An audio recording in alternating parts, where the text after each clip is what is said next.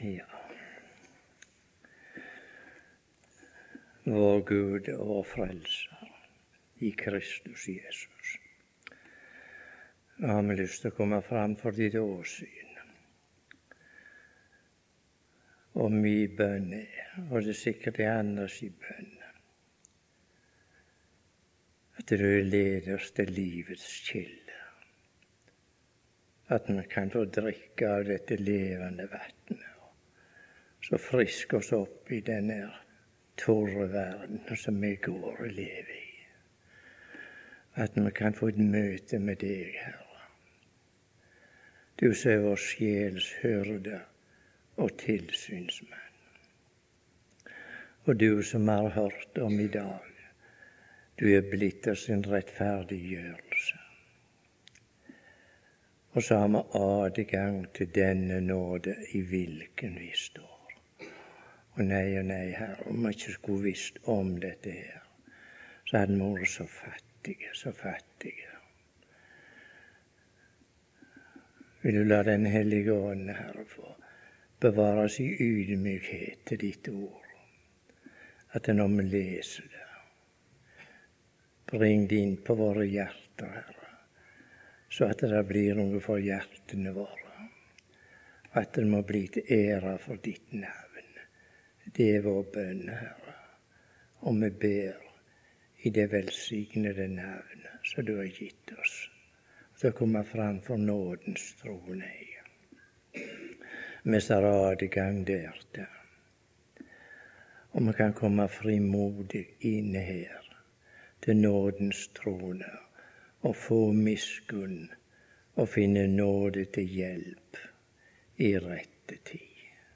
Vi takker deg for adgangen og ber deg igjennom dette her. At det stunder framfor alt må bli til ære for ditt navn.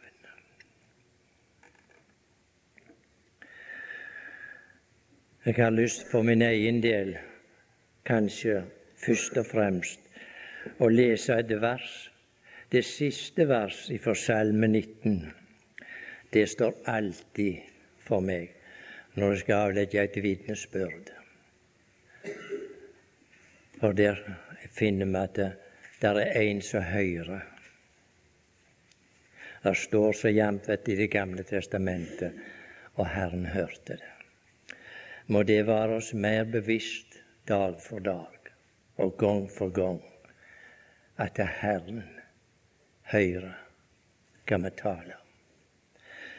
Og, og salmisten han sier så i siste vers av Salme 19.: La min munns ord og mitt hjertes tanke være til velbehag for ditt navn, Herre, min klippe og min gjenløser.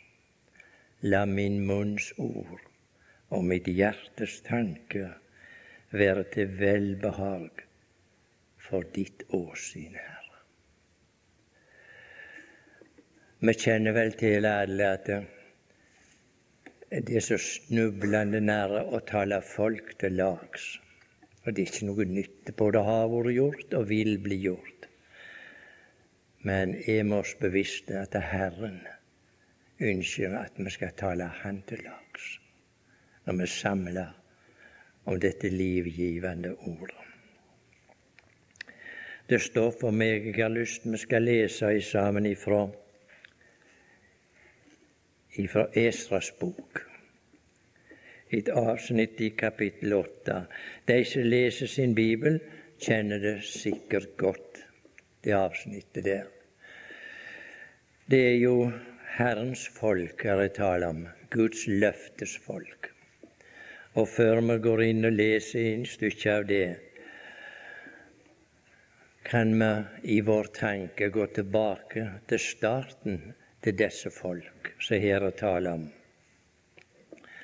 Vi finner av Guds ord at Herren har jordiske brud, og han har himmelske brud. Her i Det gamle testamentet finner vi hans jordiske brud det er hans løftesfolk. Det er Abrahams ett. Han sier om dem 'Jeg din ektemann'. Og så minner han dem om trolovelsestida, når de gjorde pakt med Gud, men de svikte sin pakt. Men han, han har erklært seg som deres brudgom. Deres jordiske brudgom. Og han skal gjenta seg av de folk. Vi behøver ikke frykte hvordan det skal gå med deg, for Herren skal ta seg av dem. Og vi vet, kan vi si, begynnelsen til de folk, det var jo Abraham. Det var grunnlaget til deres ett. Og vi vet Abraham, han ble kalt ut ifra sitt folk. Og så ser vi at når Abraham fikk sønnen Isak, så ser vi Jakob kom inn i bildet der. Og så heter det Jakobs Gud og Jakobs folk. Vi finner dem. De, de reiste ifra Kanans land og til Egypten, for det var hunger i Kanans land. Og de måtte til Egypten for å få korn. Og så ser vi når vi leser Herrens ord, det var 70 sjeler som reiste ned til Egypten for å berge livet. Og Guds ord forteller videre.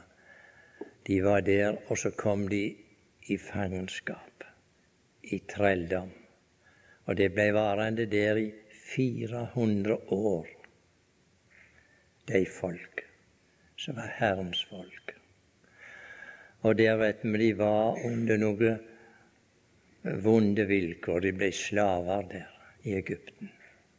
Og de ropte til Gud i sitt slaveri, og Gud kom de i ho. Han frelste de. Og Gud hadde et annet land han ville gi de folk. Det var et land, sier Guds ord, som flyter med melk og honning. Og de kom til det land. Og i det landet så glemte de Herren sin Gud.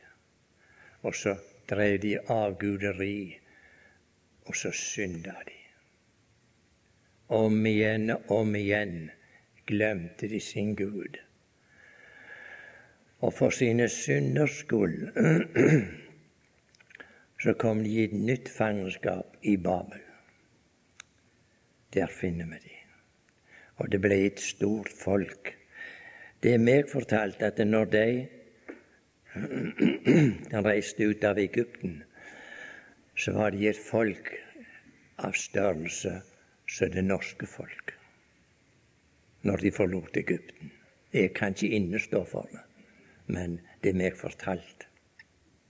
De var der i 400 år og var slaver. Og så så finner vi de igjen i Kanans land, når de kommer inn der og nyter det landet, men de glemte Herren sin Gud. Også for sine synders skyld så kommer de under nye slavedrivere. I eh, Vi skal lese i, i Salma, jeg tror det er Salme 107 137 er det vel vi finner de i Babel.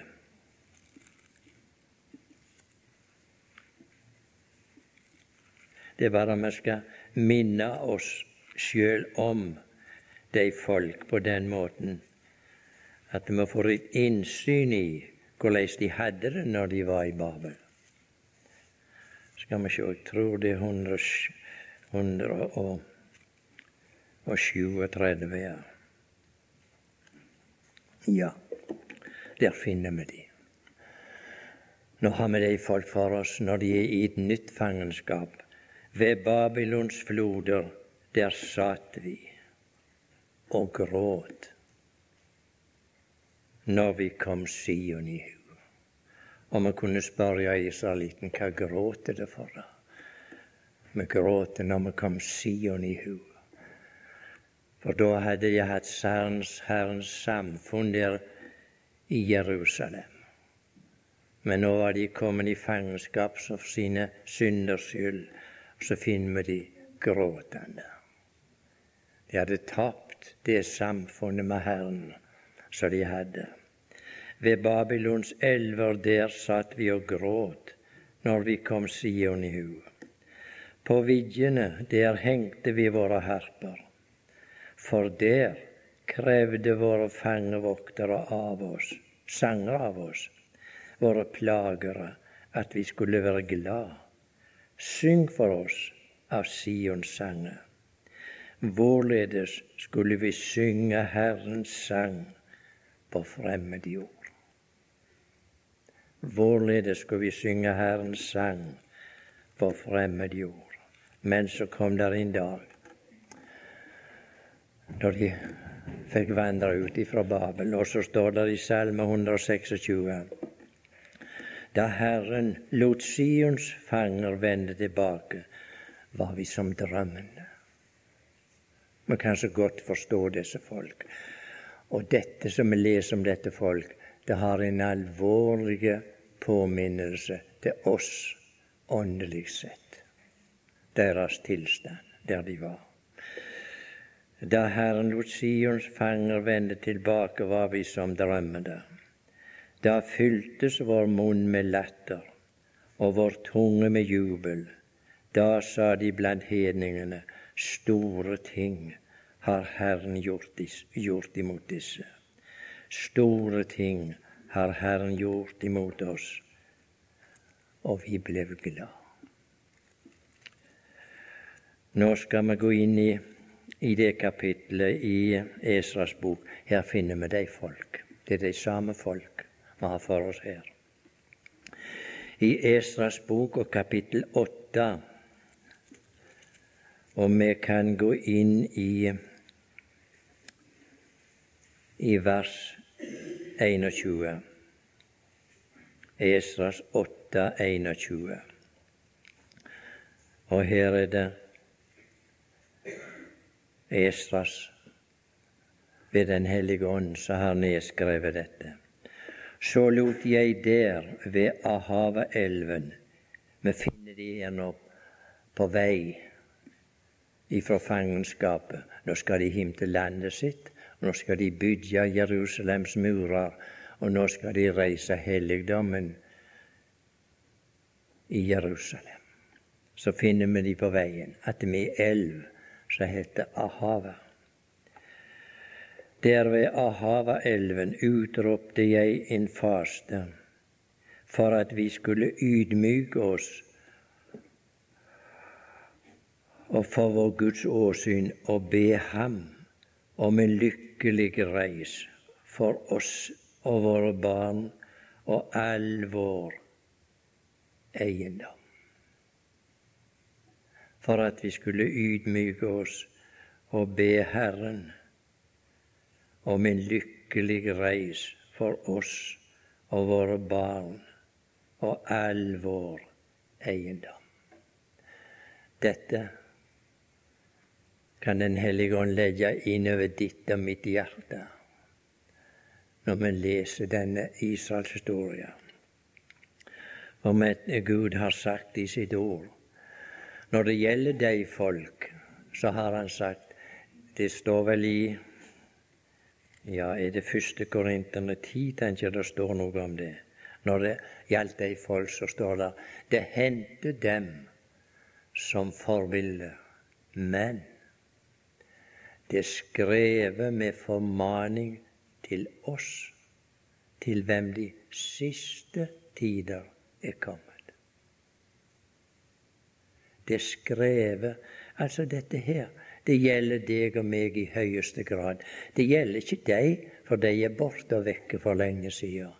Men det er skrevet med formaning til oss, til hvem de siste tider er kommet. Og vi ser det jevnt, og vi leser disse Israels synder og feiltrinn. Det er nedskrevet her, for det er noe som kan hende deg og meg under vår reis. Nå er ikke vi på reis fra et land til et annet, men vi er på reis ifra fordervelsens stad og til det nye Jerusalem. Mon det ikke skulle være på sin plass at vi òg bøyde oss, om ikke med Havaelven, men vi bøyde oss for Gud og be om en lykkelig for oss selv og våre barn og all vår eiendom. Vi leser videre. For jeg unnså meg for å be kongen om krigsmakt og hestfolk til å hjelpe oss mot fiender på veien.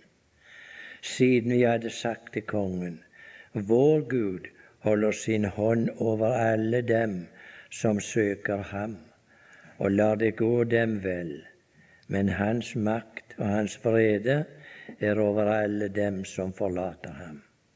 Så fastet vi og ba vår Gud om hjelp, og han bønnhørte oss. Og han bønnhørte oss. En soveren Gud er det vi har. En bønnhørende Gud. Og det er sånn oppmuntring for oss å lese om Israels trofaste Gud. Og det var så visst ikke noe eksemplariske folk. Aldeles ikke. Det var hardnakka folk og de synda imot Gud gang etter gang, men han tilgav dem. Han tukta dem, og han tilgav dem. Men de er hans folk fremdeles. Vi leser videre her. Så fastet vi og ba vår Gud om hjelp, og han bønnhørte oss. Siden skilte jeg ut tolv av de øverste prester og Serebia og Asabia, og med dem ti av deres brødre. Dem tilveide jeg sølvet og gullet og karene, den gave til vår Guds hus som kongen og hans rådgivere og høvdinger og alle de israelitter som bodde der, hadde gitt. Jeg, til, jeg tilveide dem 650 talenter sølv og sølvkar til en verdi av 100 talenter, og dertil 100 talenter gull. Og 20 gullbeger til en verdi av tusen dariker, og to kar av fint, skinnende kobber, kostelig som gull, og jeg sa til dem skal vi prøve å legge merke hva, hva slags uh, oppmuntring de fikk. Nå hadde, nå hadde de blitt tilveid så og så mye, og det var opptalt og tilveid til de, det de skulle ha med seg til Jerusalem. Og jeg sa til dem, I er helliget til karene. I er helliget til Herren og karene er hellige til ham, og sølvet og gullet er en frivillig gave til Herren, eders fedres Gud. Så kommer formaningen.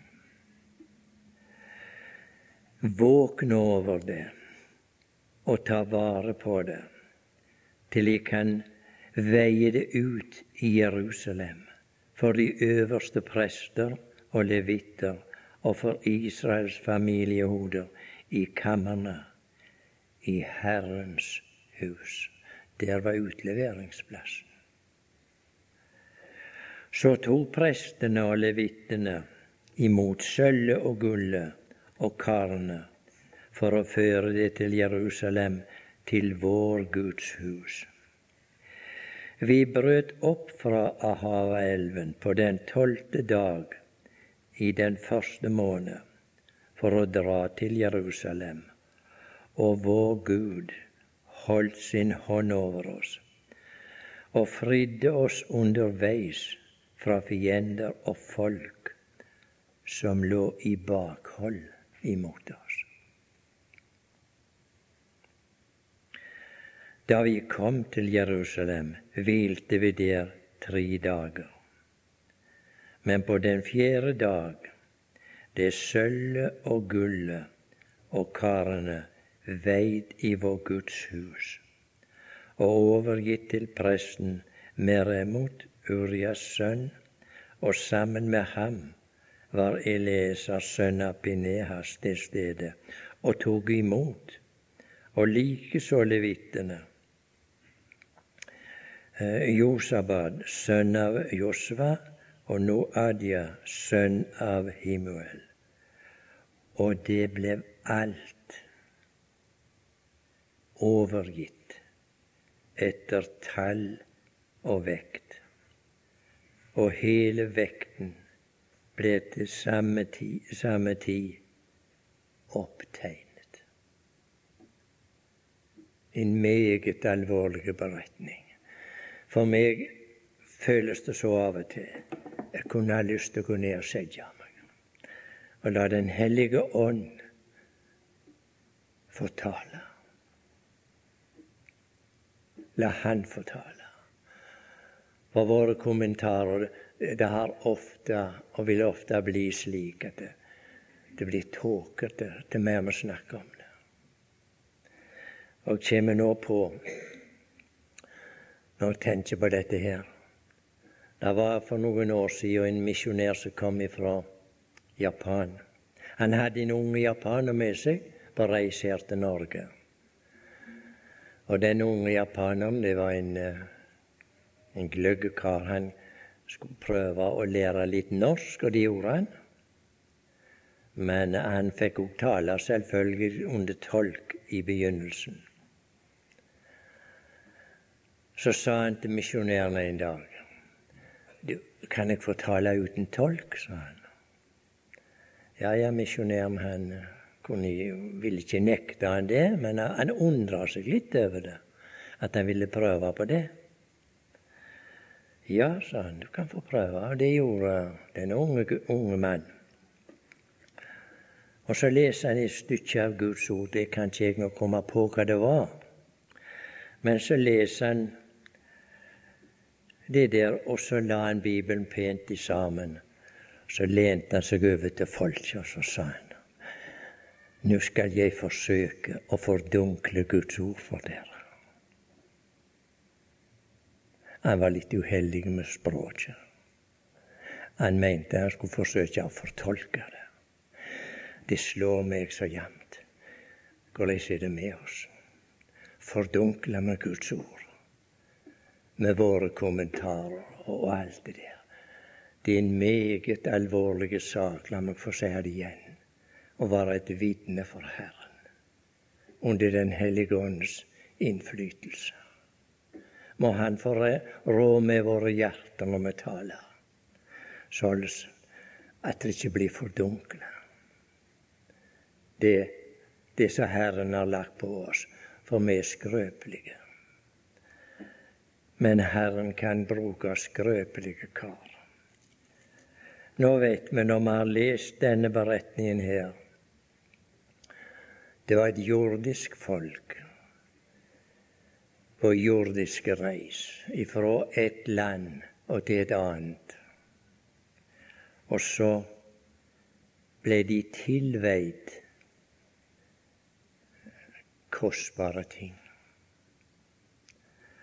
Og her har Gud, Den hellige ånd, nedskrevet det så nøye. Det var på vekt.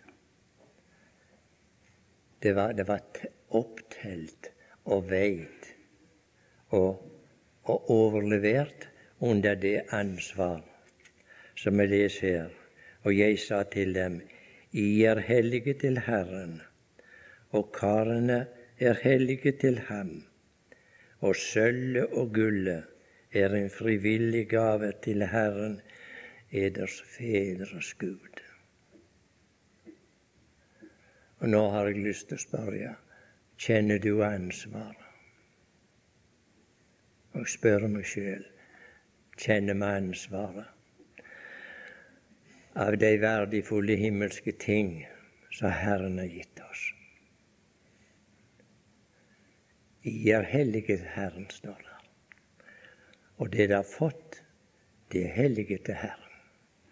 Og så legger han de så inderlig på hjertet. Våkne over det. Hvor lenge?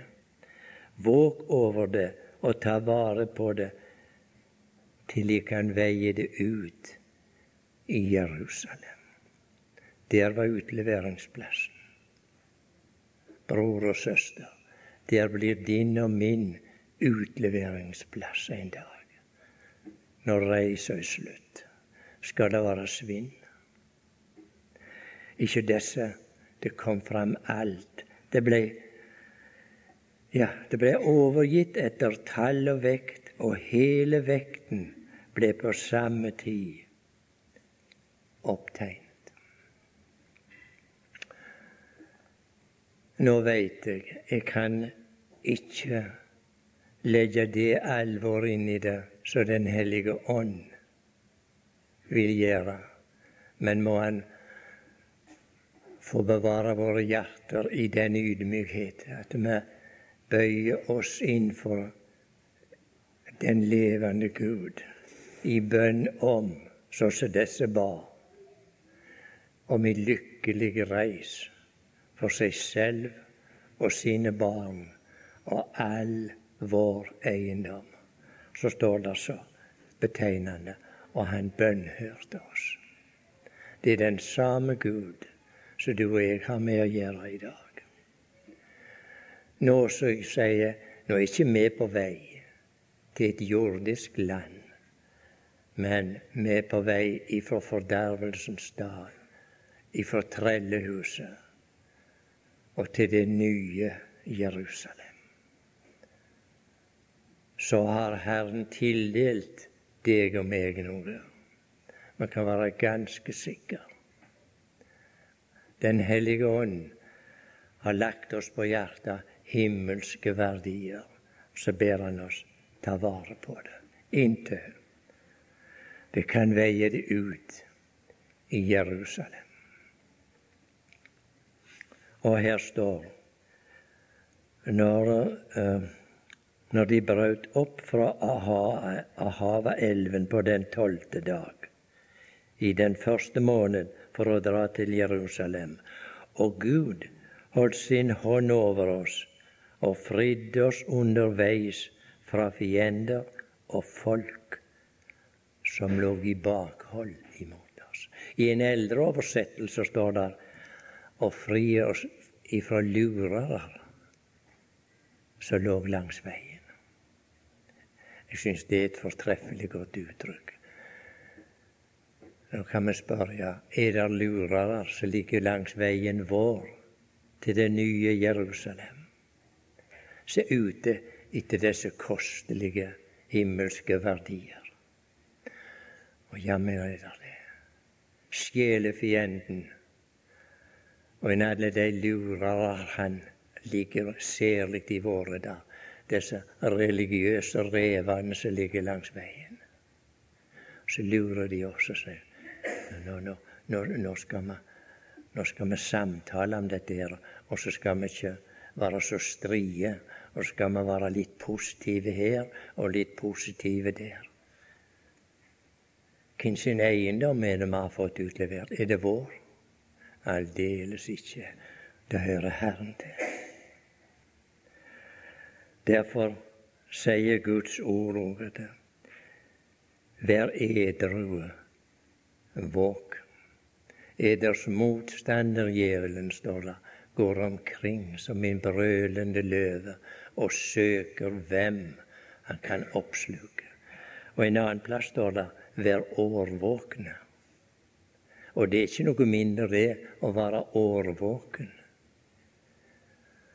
Og det har Gud lagt oss på hjertet på vår vei og vandring. Vi skal være våkne. La oss ikke glemme det at det er Herren har gitt oss, at det skal komme velberga fram, uten svinn, uten at det falt i fiendens hender. For det man taper underveis, det taper Herren på si. For det er hans eiendom han har overgitt sine. Og det skal en dag veies ut i det nye Jerusalem. Er det ikke da en veldig viktig sak å være et barn av Gud, så Herren har gitt noe å ta med til den evige herlighet?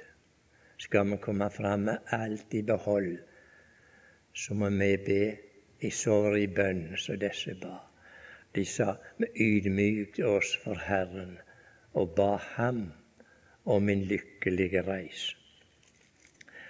Og det betegnende her står nå i, i vers 22, og sier Jesus, for jeg, unnså meg for å be kongen om krigsmakt og hestfolk til å hjelpe oss mot fienden på veien, siden vi hadde sagt til kongen, vår Gud holder sin hånd over alle dem som søker ham, og la det gå dem vel. Men hans makt og hans frede er over alle dem som forlater ham. Så fastet vi og ba vår Gud om hjelp, og han bønnhørte oss. Og han bønnhørte oss. Og nei, og nei, hvor vi trenger å ydmyke oss innenfor for Gud og be Ham om å holde sin hånd over oss på veien.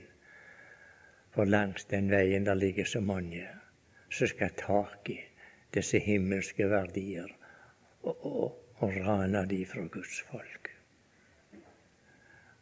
Og det har så mange utslag i dag. Jeg, jeg veit ikke med det samme er det òg. Men vi veit det er lurere ute, og som vil lure vekk de rikdommer som Gud har gitt oss. Det står vel i Mon ikke i ordspråket der står 'kjøp sannhet, og selg den ikke'. Selg den ikke, men kjøp. Kjøp sannhet, og selg den ikke. Og du og du, hvor mye handel er. Religiøse handel i våre dager. Man inngår ja, ja, samarbeidsordninger og slikt noe. Dette her som vi har lest, det hører ikke verden til. Det er himmelske ting, og vi har ikke lov å kjøpslå med det med. Vi har med å motta det og gi det videre, sånn som Herren har sagt. Vi blir ikke populære av det, det kan vi være sikre på. Men tenk, og så komme fram med det i behold at Herren får det, det som Han har gitt oss. Det blir en underlig dag, for det kommer en utveiingsdag for oss, brødre og søstre. Da skal det vise seg. Er det like nøye da? For den himmelske vekten er nøye, den. Og her står det var ikke bare vekt, men det var tall, og så var det verdsett. Har du lagt merke til hva der står der? Hvor mye det, hvor mye det var verdt, alt dette her. Det var verdt. Det var, vi kan bare lese vers 26, eller fra 25. Dem til, tilveide jeg sølvet og gullet og karene, den gave til vår Guds hus, som kongen og hans rådgiver og høvdinger og alle de israelitter som bodde der, hadde gitt. Jeg tilveide dem 650 talenter sølv og sølvkar til en verdi av 100 talenter, og dertil 100 talenter gull, og 20 gullbeger til en verdi av 1000 derriker, og to kar av fint skinnende kopper, kostelig som gull. Jeg skal si det nøye nedskrevet, nøye, til, nøye nedtegnet, vekt og antall og kvalitet. Det er Den hellige ånd som har nedtegnet dette her. Og sier det igjen, må det være en, en alvorlig lærdom for oss når vi leser denne beretning når vi tenker på vår reis og vår utleveringsdag. For la kjem en dag som heter Kristi domstol.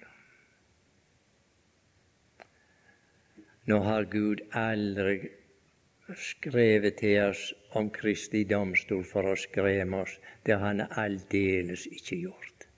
Men Han har skrevet til oss og fortalt om Kristi domstol for å oppmuntre oss.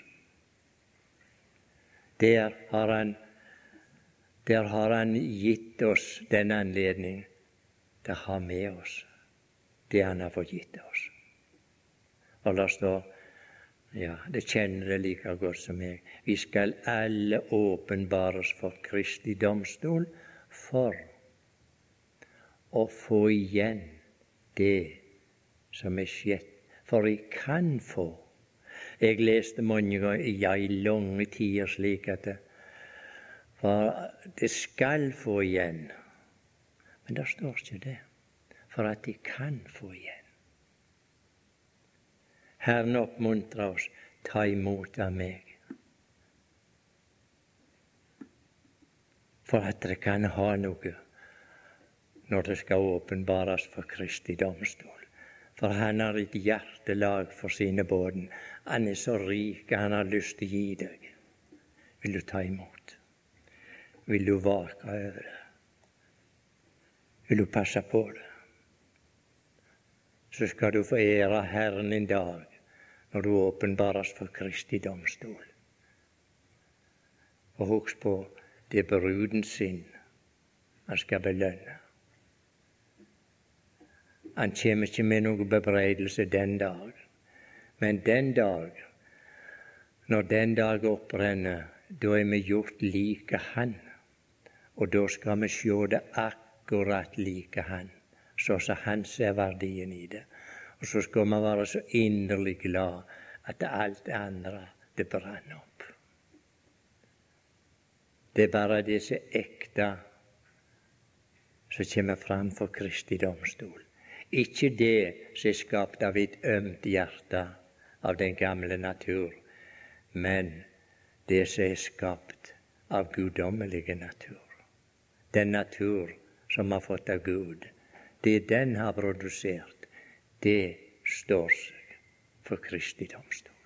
Men alt det andre Og da skal vi bli glad når man får alt er verdiløse. Men da skal vi glede oss over det som tålte ilden. Og det er de himmelske ting. Så Herren får gi oss, og Den hellige ånd får gi oss underveis. For Han er her, Han, bare i den oppgave Herren sa han, når jeg sender dere talsmann, sa han, så skal han ta av mitt og kunngjøre dere. Skal ta av mitt. Det blir ikke noe egenprodusert der som tåler, men det blir det som gitt oss av Gud. Må det være en alvorlig sak, dette om Kristi domstol. Vi skal ikke grue for den. Og jeg har lyst til å si det igjen. Ikke det for Herren har gjort det klar for oss, men Han har så lyst å belønne sine. Bare le for Han. Skal du kanskje bli ensom her i verden. Jeg tror så godt. Men der kommer en, der kommer en utleveringsdag. Når Herren skal belønne sine, sine trofaste arbeidere. Det var skjult her i verden. Det blir ikke de som har de store navnene her i verden, som vil fortsette å få de store navnene. Nei, nei. Derfor sa apostelen legg merke til leders kaldbrødre. Det var ikke mange vise og forstandige. Jeg tenker så jevnt jeg har sikkert sagt det mange ganger. Den dagen kanskje den trøtte husmora skal få en stor belønning. Jeg vet ikke. Jeg påstår ikke dette her. Men min Herre og min Gud er slik. Det som har vært skjult i mørket, står det, det skal føres fram i lyset. den dagen blir det praktisert rettferdighet.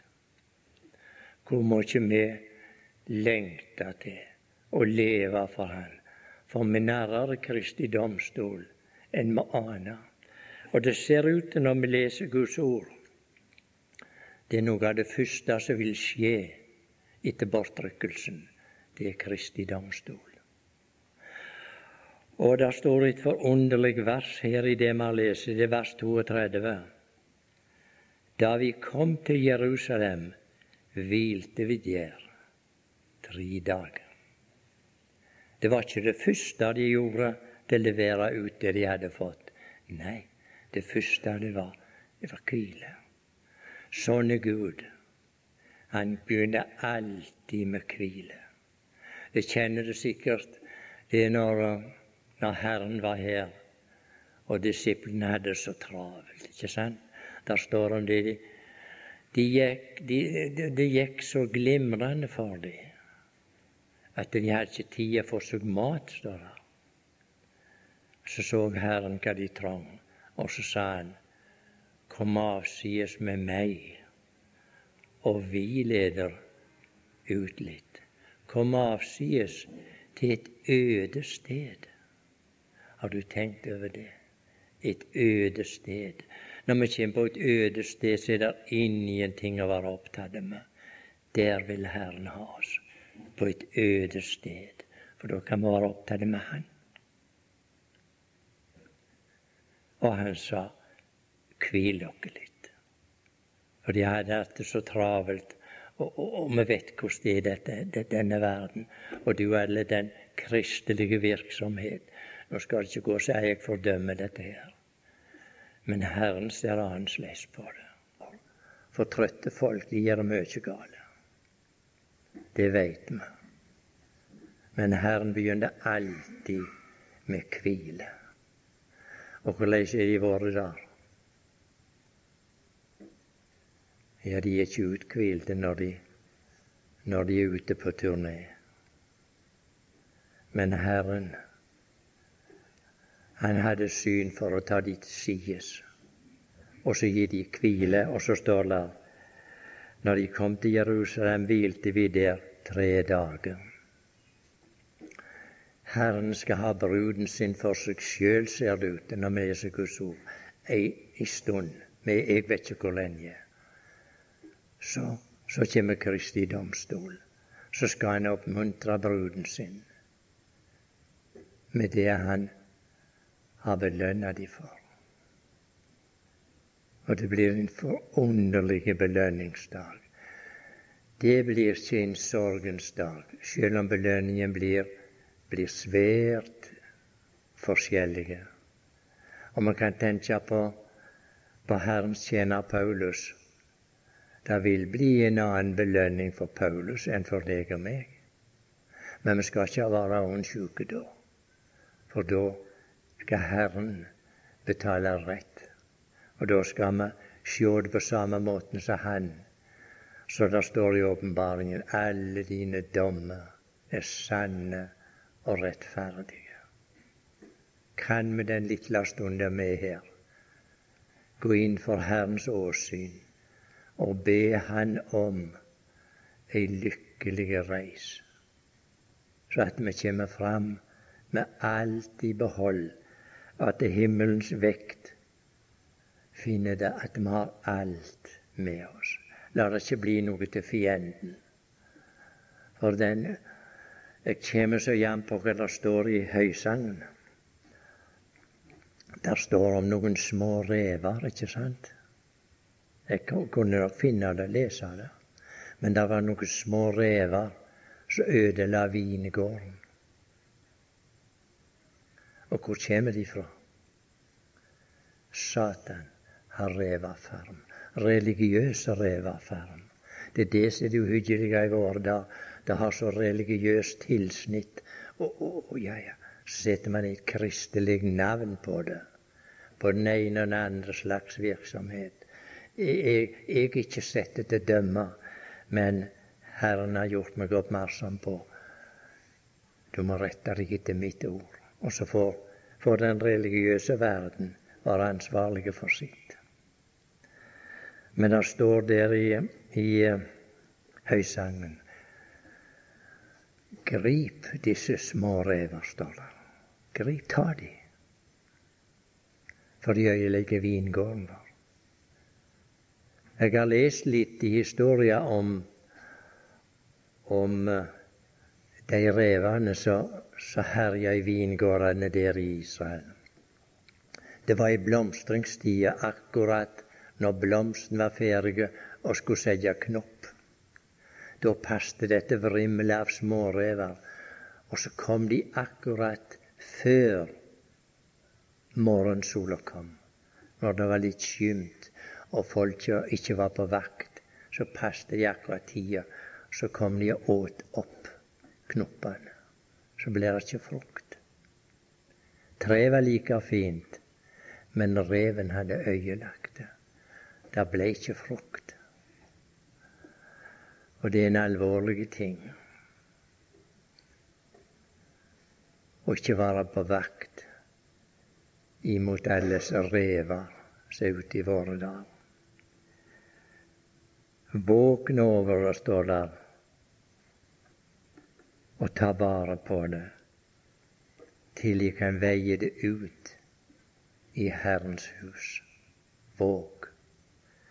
Hva var det Hva var det apostelen sa til, til, til, til Timotius? Jo, det var det. Timotius, ta vare på den fagre skatt som er i overgitt. Ta vare på det. Og Herren setter særlig pris på dette, at man tar vare på det. Du kjenner det sikkert ifra åpenbaringen. Der var sagt i ei av menighetene fordi du tok vare på mitt ord. Fordi. Herren setter pris på det, at vi tar vare på dette som Han har gitt oss. Så kan du gå inn for Guds åsyn og spørre hva du har gitt meg, Herre. Gi meg nåde til å ta vare på det for det er bare et kort stykke av veien igjen. Et ganske kort stykke. Og nå om dagen sier vi sånn at det kanskje kommer Herren snart. Der står ikke noe 'kanskje' her i min bibel, og ikke i din heller. Men der står det er bare så kort en tid. Så kommer Han. Så kommer Han. Ikke kanskje, men han kommer snart. Og så han, kommer snart, og min, jeg har min lønn med meg. Du, han kommer med lønningsposen. Hvem enn han skal belønne? Han skal belønne de som har tatt vare på det de har fått. Vi ser er det i kapittel 11 i Johannes evangeliet. Vi leser om Maria. Der står hun hadde et pund med ekte, kostelig nardussalve. Se her, det var et pund. Det hadde vært på Guds vekt. Og så hadde det vært inne i Guds analyse. Et pund ekte. Det var ekte. Og så kommer verdsettelsen av det. Meget kostelig. Hvordan er det med deg og meg? når vi er inne i Herrens nærværelse, er det ekte, det vi bærer fram.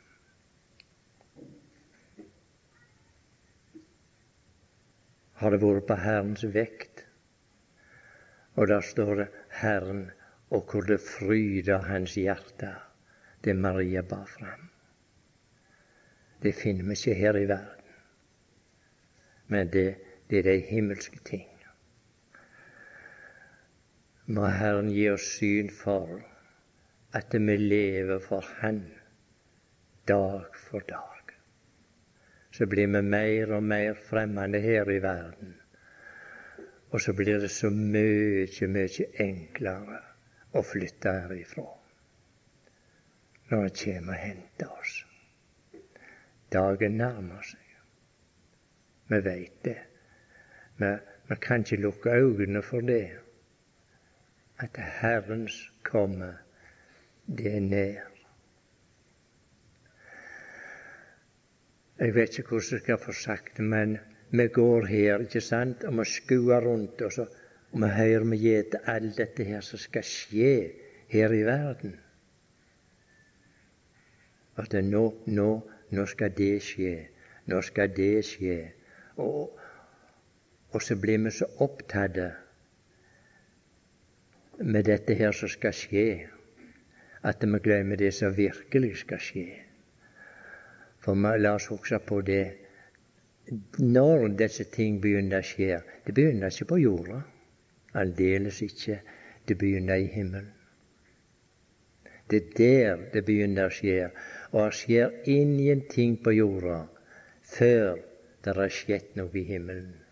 Og det som skal skje der Guds sønn reiser seg, og så sender han ut det bydende råp.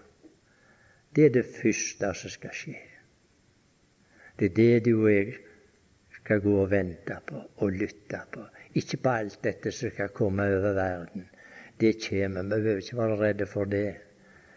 Men det vi skal vente på, det er det bydende råp. Når han sier 'stig opp her', vinteren er forbi. Sommeren står for døra, og skal vi inn i Herrens nærværelse. Og så sier Guds ord 'trøsta hverandre med disse ord. Vår Gud og vår Far i Kristus Jesus. Jeg har lyst til å være fram først og fremst min egen og personlige takk til deg for jeg får leve i forvissning om at jeg er ditt barn. Og må den siste del av mi reis være ei reis i samfunn med deg og til ditt navns ære. At ikke vanære ditt navn i mitt liv og min vandel. Så vet du hvordan det er med oss den enkelte. Om vi lever for ditt åsyn. Se opp i ditt åsyn, og du gleder deg over når brudgommen skal hente bruden sin. Og så skal vi møte deg. Og så skal vi tilbe deg i all evighet. Når vi skal se kongen i hans skjønnhet. Og da skal, vi, skal dette her gamle, trege hjertet skal det bryte ut i jubel og pris til Han. Han som har kjøpt oss, han som har bevart oss, og som har ført oss lykkelig frem. Herre, må du tale til våre hjerter. Dette alvor som du har lagt inn over oss, at det blir til det, at vårt liv blir mer i overensstemmelse med vår kall, at vi vandrer deg til ære, så at vi kan glede ditt fars hjerte mens vi ennå er her. For vi får aldri den anledning igjen som vi har her i dag. Men vi skal være i din nærværelse, Herre. Men i dag er vi i fiendens land, omgitt av alle som farer og alle lurer lurere som ligger på veien. Herre, La oss få be på det enkeltvise fellesskap om en lykkelig reis for oss og våre barn og all vår eiendom. Vi ber i Jesu navn.